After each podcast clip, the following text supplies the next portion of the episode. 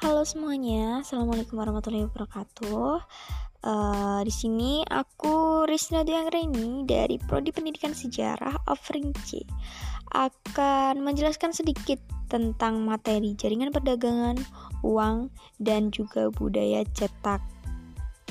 Oke, di sini aku bakal jelasin tentang dua hal. Yang pertama, Langsung aja ya, yang pertama ini tentang alasan kenapa sih para penguasa muslim itu menggunakan gambar penguasa Bizantium dan juga Sasanid di koin mereka. Nah, jadi uh, ketika awal-awal orang Muslim ini berhasil menaklukkan Bizantium dan Sasanid, uh, mereka kan pasti juga membutuhkan suatu sistem pemerintahan nih. Nah, mereka tuh belum punya gitu sistem pemerintahannya. Makanya mereka mau tidak mau ya harus mempertahankan sistem pemerintahan yang sudah ada gitu. Nah, salah satunya itu tentang sistem keuangan di mana percetakan-percetakan koin itu ya harus sama dengan masa sebelumnya gitu karena mereka juga belum memiliki sistem pemerintahan yang baru, mereka belum memiliki sistem keuangan yang baru gitu.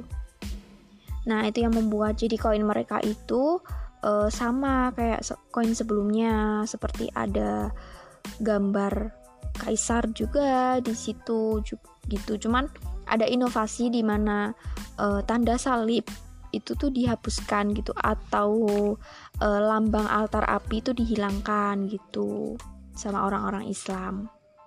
Itu sih. Jadi sistem ini tuh bertahan selama hampir 50 tahunan lah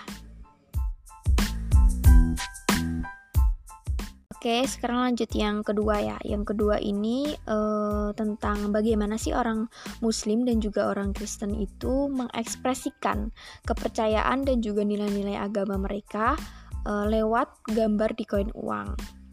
Uh, Sebenarnya nggak jauh beda ya.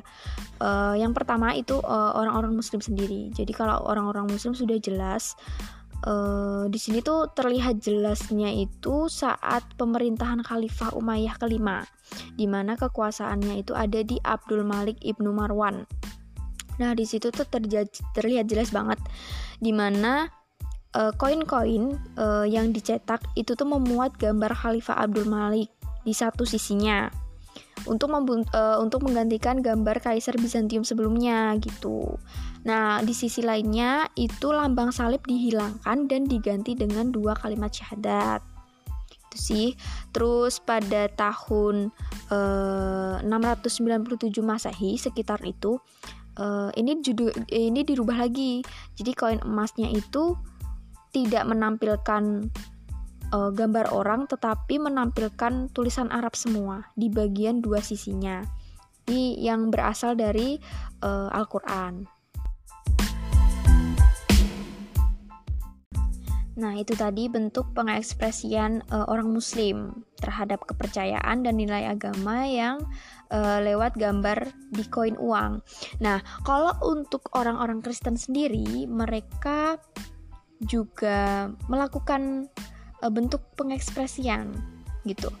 Uh, contohnya aja di Bizantium nih, orang-orang Kristen di sana itu membuat koin di mana koin ini itu terbuat dari emas dan tembaga. Nah, di salah satu sisi itu memuat gambar penguasa atau gambar kaisarnya yang berkuasa pada saat itu. Nah, di sisi lain itu melambangkan uh, atau termuat lambang dari simbol agama yaitu salib. Nah, sebenarnya orang-orang Kristen ini menganggap bahwa uang itu juga bentuk dari pengabdian terhadap Tuhannya, yaitu Yesus. Karena di dalam Alkitab itu juga banyak yang menjelaskan tentang eh, sistem-sistem uh, keuangan.